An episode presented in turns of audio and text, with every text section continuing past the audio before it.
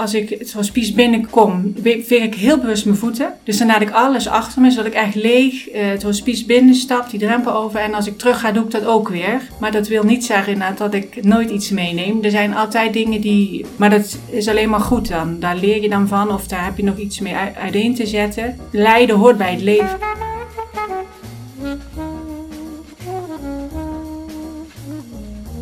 U luistert naar de Therapeut Podcast, een wekelijkse podcast waarin ik, Peter Voortman, openhartige gesprekken voer met therapeuten over hun professie, patiënten en zichzelf. Luister mee naar bijzondere, schrijnende en grappige verhalen uit de behandelkamer.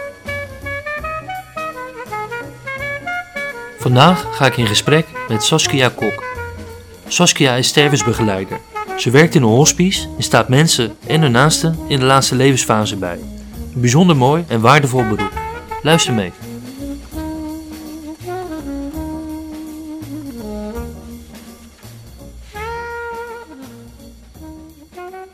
Goedemorgen Saskia. Goedemorgen Peter. Goedemorgen. Um, jij bent stervensbegeleider. Zit, zit je dan aan de zingevende kant of meer aan de zorgverlenende kant? Het is eigenlijk een combinatie. Um, ik ben verbonden in een hospice, in een hospicezorg. Ehm, dus daar komen mensen die in de laatste fase van hun leven zijn. En ze gaan het leven loslaten. En dan komen zingevingsvragen inderdaad ook naar boven. Maar ook um, praktische vragen, van alles eigenlijk uh, speelt daar. En als je daar de rust voor kan opbrengen om die mensen nabij te zijn, ja, dan is dat heel waardevol. Hmm. Voor de mensen zelf en voor de naasten ook. Je, je, bent voor beide. Je bent niet alleen voor diegene die gaat sterven, maar ook voor de familie. Precies, altijd. Ja, palliatieve en terminale zorg is inderdaad voor de persoon die het aangaat, maar ook voor de mhm. naasten. Want zij moeten door, als de persoon overleden is, moeten zij door. Ja. En als dat stervensproces op een mooie manier, nou, voor zover je natuurlijk over mooi kan spreken, maar mhm. op een goede manier um, gedaan kan worden, dan kunnen de naasten daar kracht uit putten om zeg maar in de rouw mee door te gaan. Begint de rouw al in dat proces? Ja, klopt. Ja? ja. Eigenlijk de stervensbegeleider die komt eigenlijk op het moment dat de persoon te horen heeft gekregen van zijn arts, nou meneer mevrouw, u heeft niet lang meer te leven. Mhm.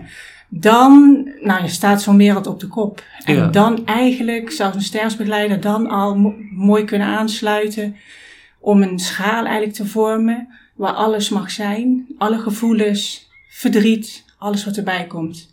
En als je daar vanuit een innerlijke rust bij kan blijven, mhm. als je de persoon het gevoel kan geven, alles mag er zijn, um, dan voelt die persoon zich gezien en dan durft hij misschien meer te vertrouwen en los te laten. Want sterven is loslaten. Mm en als mensen naar een hospice komen, dan laten ze zeg maar het stukje huis al los. Je vertrouwde omgeving, al je spullen dat, dan kunnen ze nog beter gaan loslaten het leven, zeg maar. Is dat moeilijk? Want wat laat je dan eigenlijk los? Je ego? Of? Nou ja, dat zeg je heel goed inderdaad. We zouden eigenlijk tijdens ons leven al moeten leren loslaten. Onthechten mhm. eigenlijk, onthechten. We zijn gehecht aan een huis, aan een auto, aan een carrière. Als we tijdens ons leven daar al van zouden kunnen onthechten, mhm. dan hebben we op ons stervensbed veel minder werk te doen. Dan gaat het dan heb je zeg maar ruimte om daar andere stukken beter te pakken.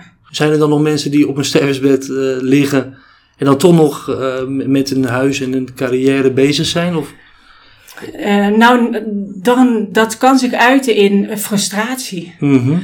Want dan, dan komt de vraag, wie ben ik? Wat voor doel heeft mijn leven gehad? Wat heb ik bereikt?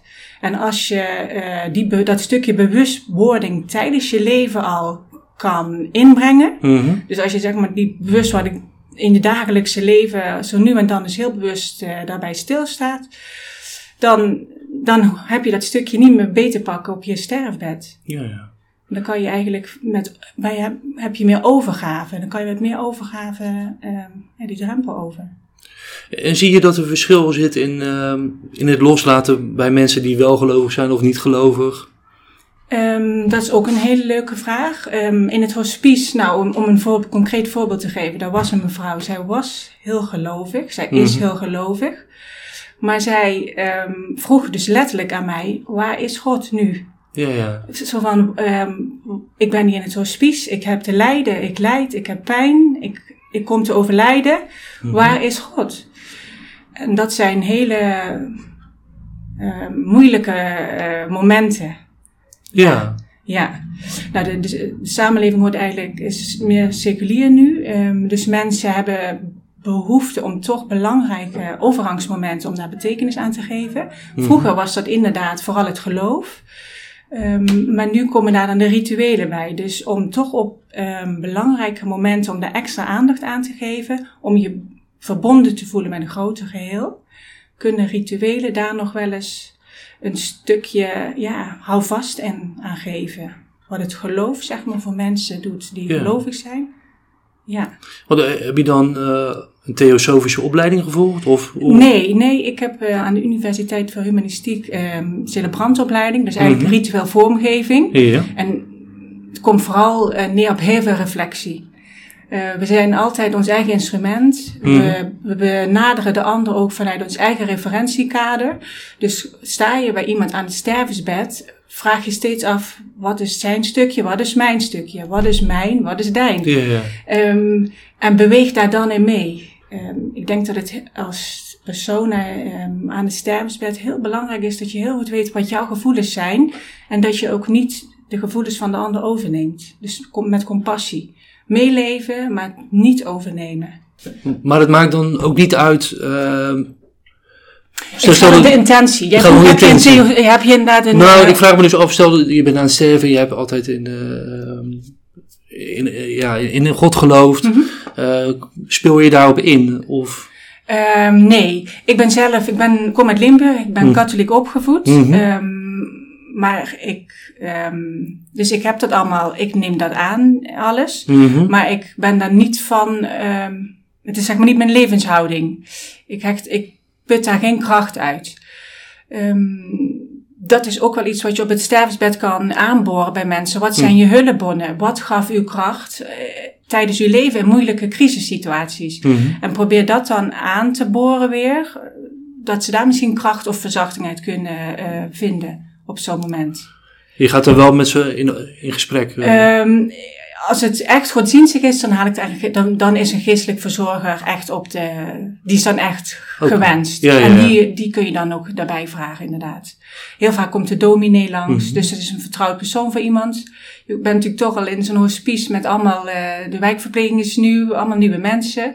En als je dan een dominee, eh, dat kan echt een ankerpunt zijn. Iemand die heel vertrouwd is en die je al kent, waarschijnlijk van alle jaren uit de paroolketten. Dat is dan heel fijn voor mensen, ja. Dus vaak zingevingsvragen, dat vroeg je in het begin, Mhm. die worden vaak door mensen die gelovig zijn inderdaad met de, de, dominee ehm, of met de pastoor ehm, besproken. En als je, als je gaat sterven en je hebt ge- geen geloof, maar je, ehm, je wou dat je geloof had, of je hebt wel behoefte om daarover te reflecteren.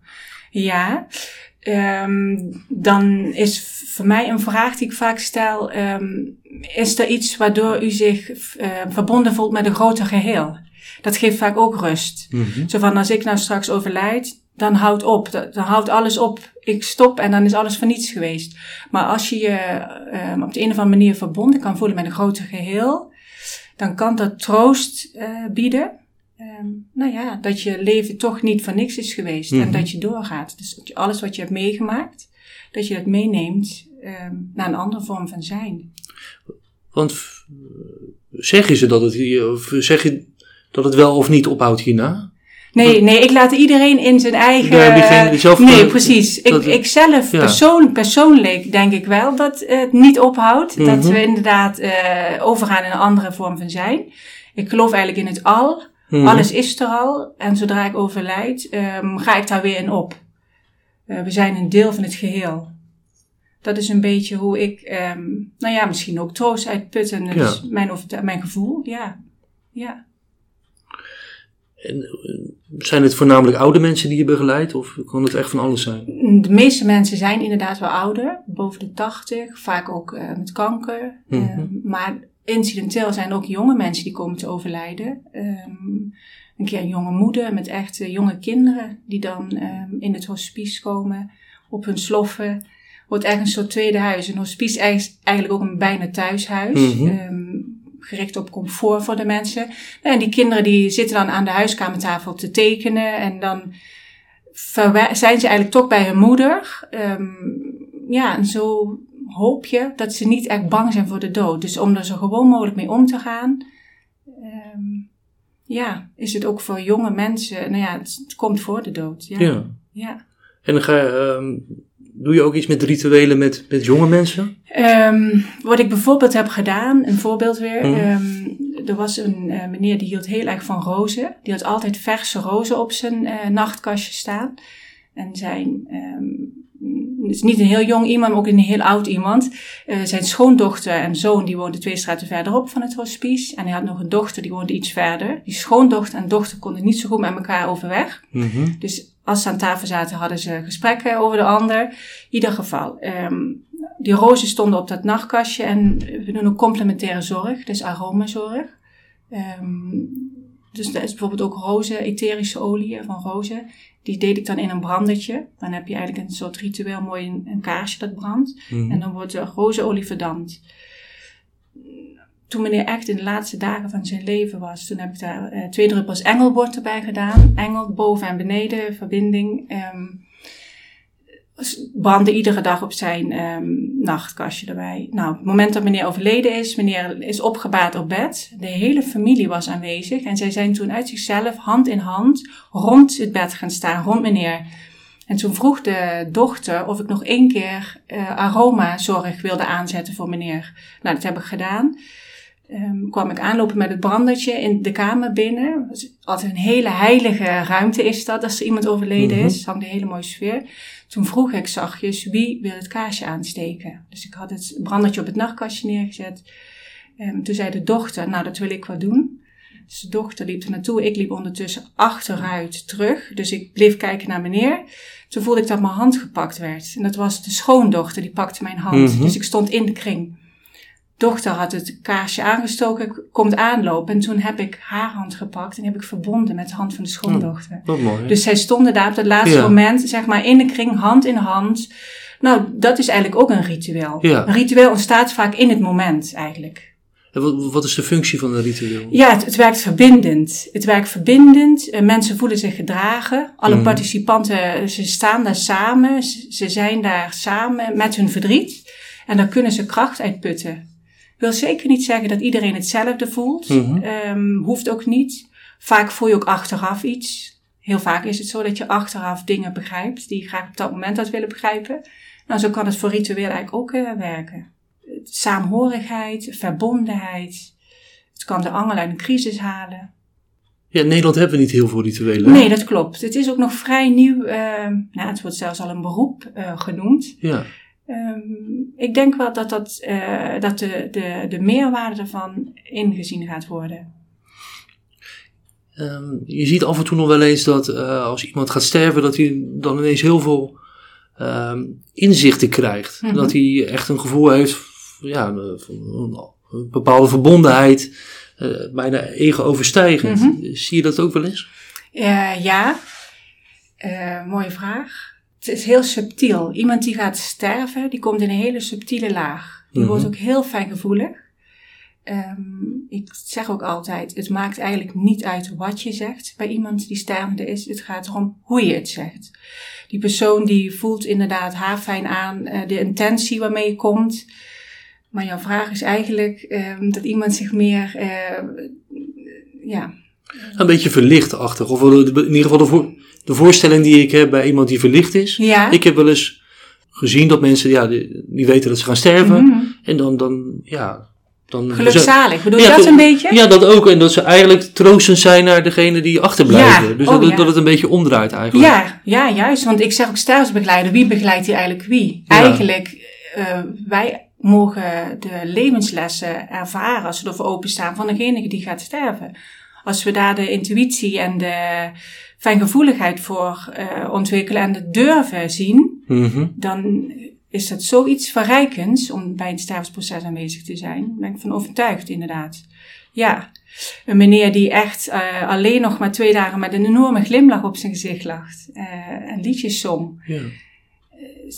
Dat je echt dacht, nou hij heeft iets gezien eh, en het is goed.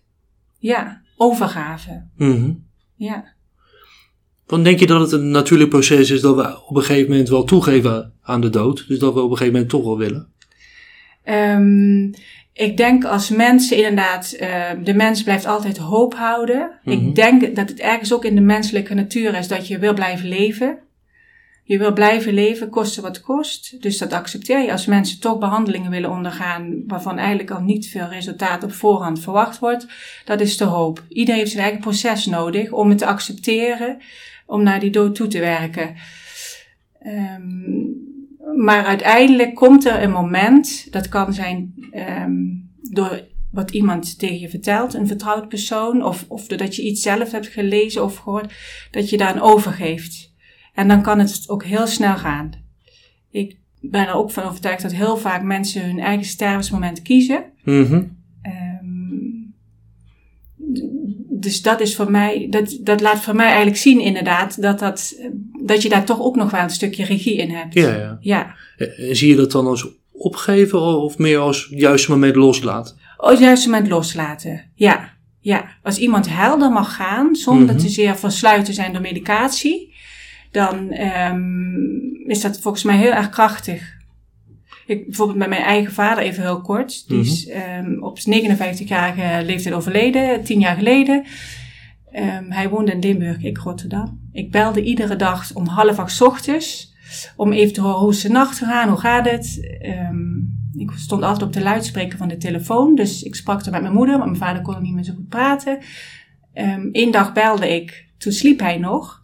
Dus toen heb ik de dag daarna heb ik een uur later gebeld. Toen zei mijn vader van, uh, heel moeilijk praten. God, waarom belt Saskia nu pas? Yeah. En toen zei mijn moeder van, nou ja, gisteren belde ze je wakker. Oké. Okay.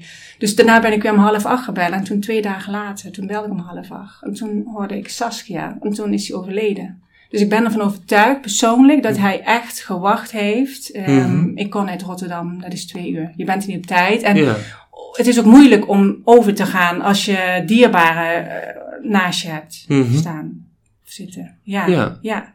Dus dat zijn voor mij kleine momenten die mij uh, een stukje bevestiging of in, intuïtie geven waarvan ik denk, nou ja, het is mooi en er is meer. Ja. En er zit ook nog wel een klein stukje regie in aan het einde dus. Ja, ja. Um, ben ik van overtuigd. Ja, mijn vader had ook wel medicatie. Um, als iemand gesedeerd wordt, is dat natuurlijk een ander verhaal. Dan mm -hmm. is die regie, uh, ja. die is er niet. En ook dan, maar dat is een persoonlijk, mee, alles is persoonlijk wat ik zeg. Er was een keer een mevrouw in het uh, hospice, zij was heel angstig voor de dood, heel angstig. Um, en op een gegeven moment is er toch in overleg met haar en daarnaast uh, besloten om tot palliatieve sedatie over te gaan. Maar die mevrouw heeft nog vijf dagen geleefd. En ze kwam zelfs weer bij. En dan denk ik van, um, dat is zo jammer. Dat is zo, uh, die, als zij misschien een, gewoon een goede, uh, vertrouwd persoon had gehad met wie ze gesprek had kunnen gaan, mm -hmm. een stuk angst wegnemen. Ik denk soms dat ook fysiek, als iemand pijn heeft, moet je afvragen, is het fysieke pijn of is het geestelijke pijn? Als je iemand echt nabij kan zijn, die persoon voelt zich vertrouwd, dan kunnen daar misschien dingen opgelost worden of naar boven komen die, nou ja, zo'n stervensproces ook veel uh, iets aangenamer maken. En denk je dat uh, dingen zoals geheimen of uh, trauma's, of in ieder geval dingen die in de familie spelen, dat dat een plek moet krijgen? Ja, je zou je ermee moeten verzoenen. Ja. Als je het, uh, je ziet inderdaad vaak dat mensen um, um, nog graag iemand willen spreken, uh, want ze gaan relativeren. Als je komt te overlijden, mm -hmm. je gaat alles in een andere kleur zien. Um, als dat niet lukt, dan is het de opgave aan de persoon die stervende is om zich ermee te verzoenen, om het te omarmen. Mm -hmm. Omarmen alles wat er op dat moment is. En dat is ook goed. Doen ze dat in gesprek met jou? Als uh, de mogelijkheid daar is, Mhm. mm -hmm. um, zorg je dat de persoon, als bijvoorbeeld zeg ik wil die, die nog spreken, dan regel je dat. Ja. Dat is, um, de persoon moet, doet toch alles zelf. Hij bepaalt, hij of Mhm. zij bepaalt. En dan faciliteer je. Je probeert zoveel mogelijk aan de wensen nog um, tegemoet te komen. En zie je wel eens dat mensen nog verbitterd uh, sterven? Heb ik persoonlijk niet echt veel, uh, niet meegemaakt. Dan, nee, nee, nee. Ik denk dat je dan, je keert naar binnen. Hè? Mensen die gaan sterven, die keren naar binnen. Mm -hmm. um, dus dan ben je ook alleen nog maar, op een gegeven moment, dan is het ook goed. Dat heb je al gedaan voordat je in het allerlaatste stukje komt. Dan gaat je moeder of dan gaat een broer nog een keer door je gedachten. En dan mm -hmm. komen daar um, mildere gedachten over. Ja. Ik denk dat dat een soort stukje zelfbescherming ook is. Dat je milder denkt over personen waar je vroeger niet zo mild over dacht. Mhm. Ja, ik denk dat het ook natuurlijk iets is. Wat lost het ego op een gegeven moment op, nog voor je, voordat je... Hoe ik dat zie. Mhm. Ja, ik denk inderdaad dat de, de ziel, dat, eh, dat blijft. En dat ego, ja, dat, eh, daar neem je afstand van. Nog voordat je echt Ja, het zou heel mooi zijn als wij dat nu, al- als wij dat nu al doen. Ja, Ja, dat we nodig hebben. Ja, ja, ja, precies, ja. Ja, om ergens om in leven te blijven wel. Ja. Maar hoe, en dan is weer dat stukje, als we kunnen blijven reflecteren tussen tijdens ons leven, eh, wat ben ik nou aan het doen? Mhm. Continu bewustwording brengen in wat we aan het doen zijn. En waarom doen we wat we doen? Ja, Z- Zou het goed zijn om een stervensbegeleider te spreken als je, als je gewoon nog eh, de volle bloei staat? oh, dat is een hele leuke vraag. Ja, Ehm, ik denk het wel. Gewoon om eens gewoon eh, van gedachten te wisselen en misschien een nieuwe of aanvullende denkrichtingen te krijgen. Ja. Wat, wat zie je veel sch- verschil in culturen, hoe die omgaan met de dood? Dat is er zeker wel. Dat is er zeker wel. Nou komt dat eh, waar ik werk niet echt voor. Wel in scholingen die ik heb gedaan. Dan hoor je Mhm. natuurlijk ervaringsverhalen. En ehm, ja, er zijn families ehm, of cultuur. Daar is het heel normaal dat de hele familie in een kleine kamer is. Terwijl je zou denken, een overlijden is heel heilig, heel rust en eerbiedig. Mhm. Maar daar wordt heel druk gepraat en ehm, gegeten op de kamer. ehm, en dan is het aan ons om dat te respecteren, want zij vinden dat fijn. En de persoon in bed de, vindt dat ook fijn, geeft dat Mhm. aan en dat kun je zien. Dus er zijn wel degelijk grote verschillen. En het is aan ons om daarin mee te bewegen en dat is goed, ja. Eh, En dan eh, over, over rouwen.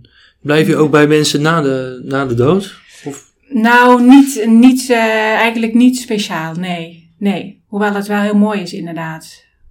Want je hebt toch een heel proces. Het sterven is Mhm. een proces. Dat ga je toch met elkaar aan. Ja. Ja, ja. maar dat, is- dat ligt gewoon niet in, jou, in jouw rol. Nee, dat, dat zeg je goed. Dat is inderdaad niet eh, mijn rol. Nee. Want probeer je ze voor te bereiden op wat er aan zit te komen? Eh, Voor de naaste bedoel ik dan? Ja, ik snap Ja. precies wat je zegt. Nou, niet echt voor te bereiden. Ehm, nee, we zijn echt in het moment dan daar. Dat Mhm. stukje naar het overlijden toe, het overlijden. Zorgen dat dat eh, mooi, eh, vanuit het hospice wordt bijvoorbeeld ook een uitgeleide altijd gedaan. Dus daar staat echt iedereen die op dat moment aanwezig is met een kaarsje in de hand rond de kist. Wordt een gedicht voorgelezen. Ehm, dus het is echt even heel bewust stilstaan bij, ehm, nou, meneer of mevrouw gaat nu het hospice uit naar het Mhm. mortuarium. Ehm, en dat is eigenlijk het laatste contact eh, wat er is met de nabestaanden. Er wordt wel nog een keer telefonisch contact gelegd na een aantal weken. Mhm. En dan kunnen we eventueel doorverwijzen als er blijkt dat er eh, nou ja, veel vragen zijn of iemand heeft het moeilijk. Dan verwijzen we door naar eh, professionals. Ja. Ja.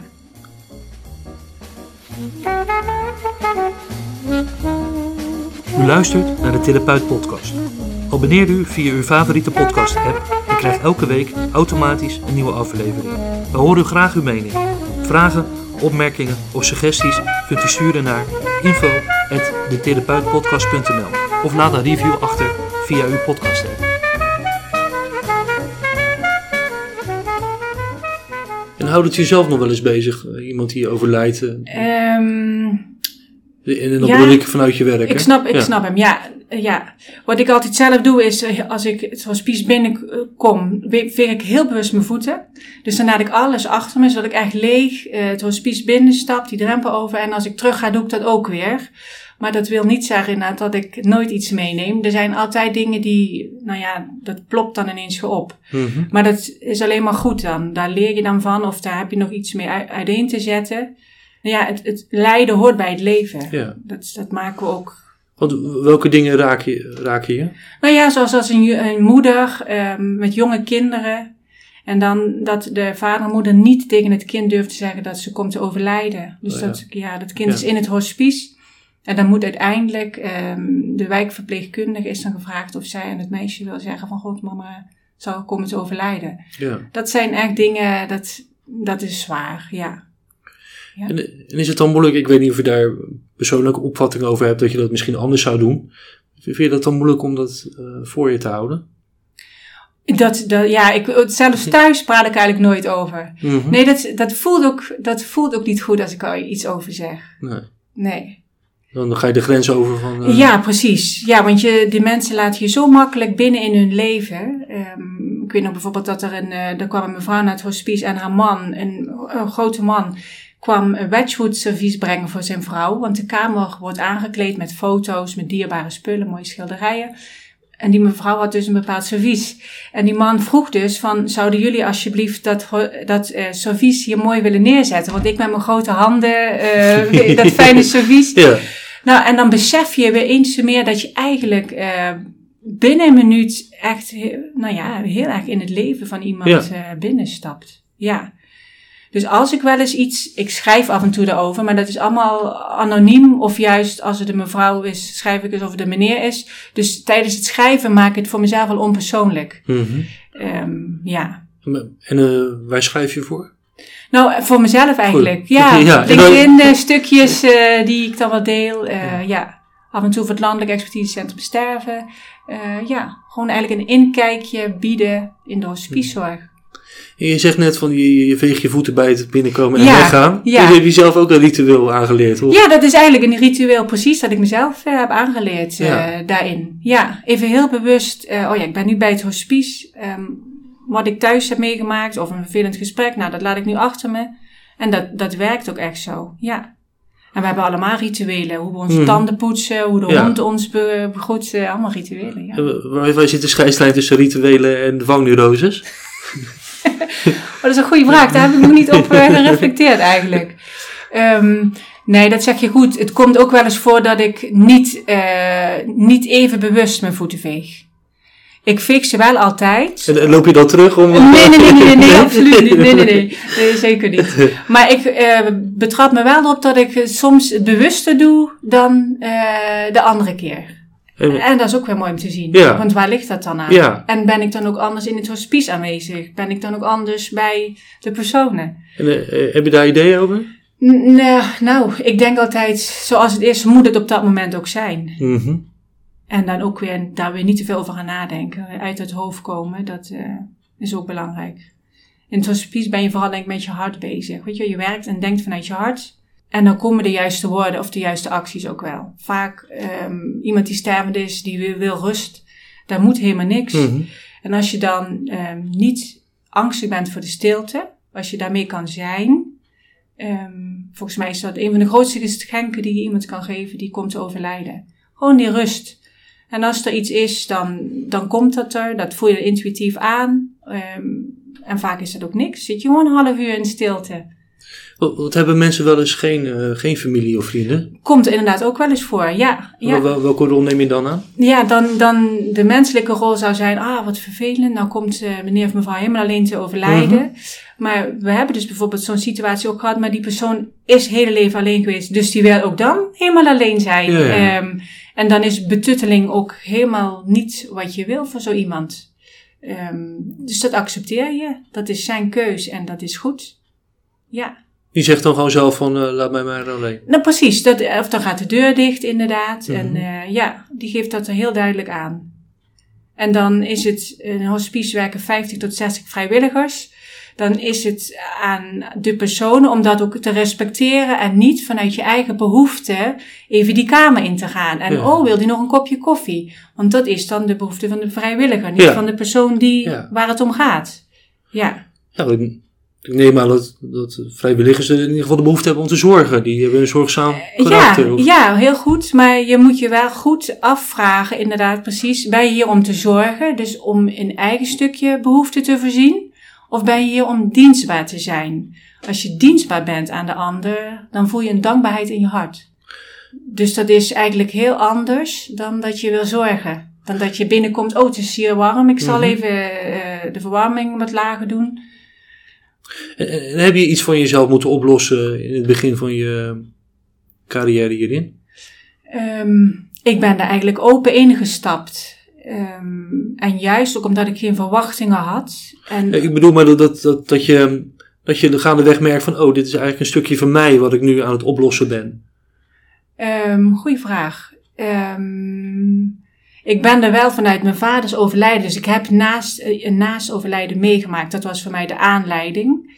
Ehm, maar ik, niet eigenlijk iets dat ik dacht van, ik ben hier nou iets van mezelf uh, in aan het brengen.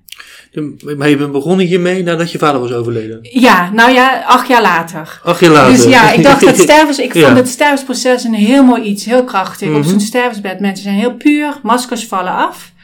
Ehm, in die laatste paar uur, daar is zo wat mijn hele jeugd eh, voorbij gekomen. Mhm. En ik dacht, nou, dat wens je andere mensen ook toe, de naaste. En ehm, nou ja, gewoon, als je ziet wat er nog allemaal kan en wat er gebeurt. Dat was voor mij eigenlijk de aanleiding. Ik dacht, nou, ik wil bij dat stervensproces zijn. Ehm, dat is betekenisvol. Betekenisvol bezig zijn is voor mij dat eigenlijk. Je, je kon bij je vader niet fysiek aanwezig zijn? Nee, precies. Ja. Ik was er wel vaak. Mhm. Ehm, maar door de, ehm, door de kleine telefoontjes, of als hij in het ziekenhuis lag en dan was hij kortademig en dan belde ik met de vaste telefoon vanuit huis naar de, ehm, naar de, naar de balie van de afdeling. En ik zei, zou u even bij meneer Kok op de kamer willen kijken, want hij is kortademig. ja. Allemaal dat soort kleine dingen waardoor ik hem liet voelen, je bent niet alleen. Mhm. Ik denk als we stervende mensen dat kunnen laten voelen, dat ze niet alleen zijn. Zij moeten het dragen, het lijden. Ja. En hun, nou ja, dat is volgens mij heel waardevol. Ja. En dat kan dus ook door niet fysiek aanwezig te zijn. Ik hoop Ja. niet dat het een ongemakkelijke vraag is, maar het is niet zo dat je, omdat je niet bij je vader kan zijn, dat je een soort van schuldgevoel hebt van, Nee. ik ga bij, Nee, ik snap, ik snap Ja. vraag hoe je dat... Nee, nee, helemaal niet. Want eh, juist doordat mijn vader ehm of 's ochtends om half acht is eh, dat overleden... en hoe ik dat ervaren heb, dat is Mhm. voor mij juist... eigenlijk juist het bewijs dat je nabij kan zijn zonder fysiek nabij te zijn. Mhm. Eigenlijk ook, zeker ook nu door het internet. De hele wereld is verbonden met elkaar. We zijn... Ik ben, we resoneren mee met mensen in andere landen die op dezelfde frequentie zitten als wij. Ehm, ook in de natuur zijn geen grenzen. Mhm. Dus dat is het eigenlijk. Dat het geheel, eh, we zijn een deel van het geheel, dat ehm, eigenlijk juist. En aanraking hoeft daar niet een rol in te spelen. nee, helemaal niet. Ik weet nog, ik was er een keer en mijn zus ging naast hem zitten op het bed en wilde zijn, haar arm om hem heen staan. En dat mijn vader zei, ik krijg engtevrees. Ze willen juist, als je je fysieke lijf gaat afleggen, Mhm. hebben ze juist die ruimte nodig. Mensen ehm, in het hospice trappen ook vaak hun deken af. Ze willen ruimte, Ja? ja. En ik denk persoonlijk dat dat ze aan het fysieke lijf afleggen, ehm, ja, vrijheid. Ze willen vrijheid al voelen. En, en ben je, ehm, heb je zelf gedachten over je eigen dood? Ehm, je denkt er natuurlijk wel eens over na, Mhm. ehm, ook door wat je ziet.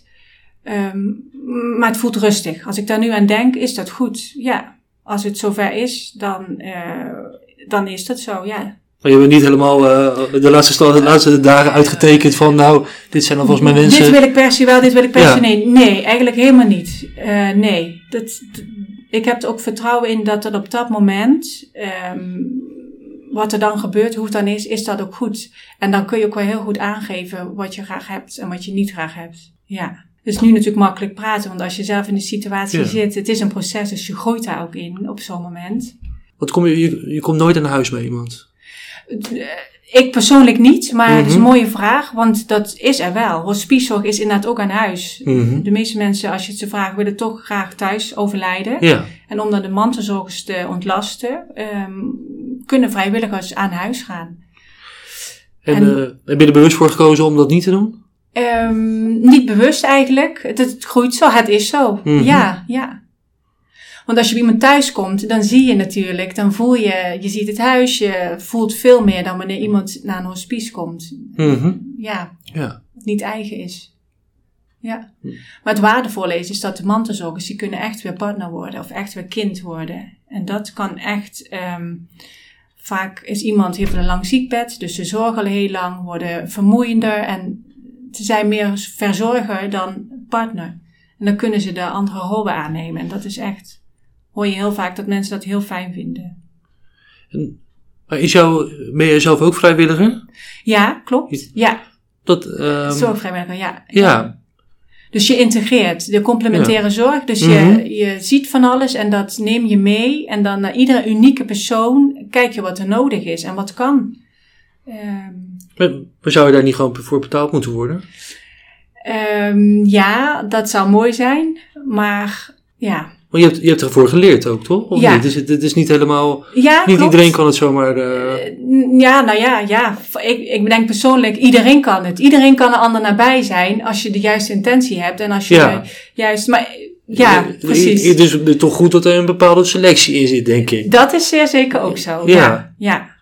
Nou ja, voor mij ehm nou is eigenlijk de betaling in natura, wat je ervoor terugkrijgt. De levenslessen, Mhm. de dankbaarheid. ehm. Maar het is wel heel apart dat je dit aantipt. Want het, op een gegeven moment denk je wel van... ehm, het zou zo jammer zijn dat die, eh, de sterfsbegeleiders... dat dat eh, vak nog steeds niet echt erkend is. En nog steeds Ja. niet betaald wordt. Het zijn wel hele voorzichtige stappen die die kant Mhm. uitgaan. Maar Ja, want het klinkt heel waardevol. En, eh, Ja.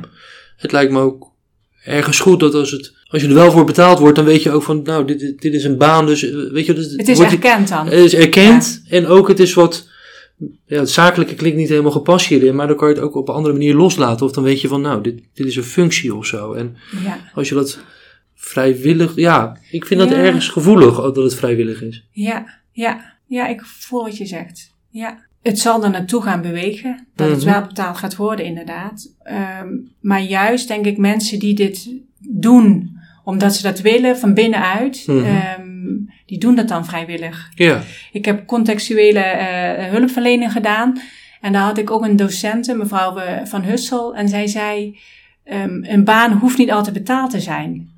Vrijwilligerswerk is ook is even goed als een eh, betaalde baan. Zo gaf zij Ja. dat toen aan. En dat, dat, dat kwam toen bij mij ook weer binnen. Dat ik dacht, ja, inderdaad, ehm, vrijwilligerswerk, daar wordt vaker iets, nou ja, Mhm. iets laatdunkender over gedaan. Maar het gaat, eigenlijk alles is met de intentie waarmee je het doet. En dan denk ik op een gegeven moment, als het gezien gaat worden, dan, dan komt er wel de juiste beloning tegenover, inderdaad. maar zijn er, zijn er ook altijd bijvoorbeeld voldoende vrijwilligers?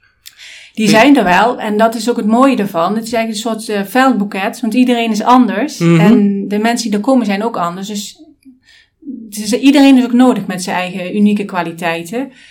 Eh, maar vrijwilligers die ehm, de rust hebben en die echt intentie hebben om erbij te zijn en de ander te kunnen laten zijn zoals hij is en hem te Mhm. zien, dat is er niet zo. ehm, die zijn er niet zoveel als de vrijwilligers die zorgen, die de koffie en die echt Mhm. vanuit een goed hart ehm, mooi eten maken. Iemand wil een keer een kroket eten, die zorgen dat die kroket er komt, dat soort dingen. Ja, die zijn er meer. Ja. Zijn er veel laatste wensen? Nou ja, wel, wel leuk inderdaad. Je hebt natuurlijk de Stichting Wensambulance, Ja. eh, Wensambulance van Kees Veldboer. Eh, die brengt mensen echt naar de zee of nog een laatste keer naar een huis om daar afscheid van te Mhm. nemen. Maar ook, inderdaad, wat ik net zei, bijvoorbeeld iemand die niet meer kan eten, niet meer kan slikken, maar die Mhm. toch nog een keer de structuur en de smaak van een kroket weer voelen. Nou, die neemt een hap en spuugt het daarna ook weer uit. Maar dat zijn dan die kleine dingen. Ja, Ja. ja. Er wordt nooit een stripteasepaal eh neergezet. Nee, dat is nog niet gebeurd. Wie weet, wie weet. Nee, eerder spinnen. Iemand zou nog graag een keer willen spinnen. Dus dan wordt alles in het werk gesteld om ergens een spinwiel vandaan te halen. Ja? En die mevrouw heeft nog zitten spinnen. Eh, Ja. ja, ja, ja, dat kunnen dan, volgens mij zijn dat van die, dat komt van binnenuit. Dat is dan zo'n kracht. Dat willen ze dan graag nog een keer doen. En dan kunnen ze misschien loslaten. Mhm. Ja. Nog heel even over dat vrijwillig zijn. Is er dan ook geen beroepsgroep of zijn er geen richtlijnen? Nee, nog niet. Er wordt wel hard aan de weg getimmerd. Ehm, wel voor de geestelijke verzorging natuurlijk. Maar die sterfsbegeleider, die zit daar niet... ehm, nee, dat is nog... Er is geen beroepsgroep voor nog. Nee. Er, zijn wel, er is een aantal opleidingen in Nederland Mhm. ehm, die ervoor opleiden. Maar het is niet, niet betaald. Wat, wat, bestaat het nog niet zo lang of is het gewoon eh, zo? Ja, dat is ook... Dat durf ik eigenlijk niet te zeggen ook. Ja. Hoe dat... Ja, dat is bijzonder eigenlijk toch? Ja. Ja, Ik zal daar eens werk van gaan maken. ja eigenlijk Ja. moet je dat wel doen. Ja. U luisterde naar de Therapeut podcast. Abonneer u via uw favoriete podcast app en krijg elke week automatisch een nieuwe aflevering. We horen graag uw mening. Vragen, opmerkingen of suggesties kunt u sturen naar info.detherapeutpodcast.nl of laat een review achter via uw podcast app.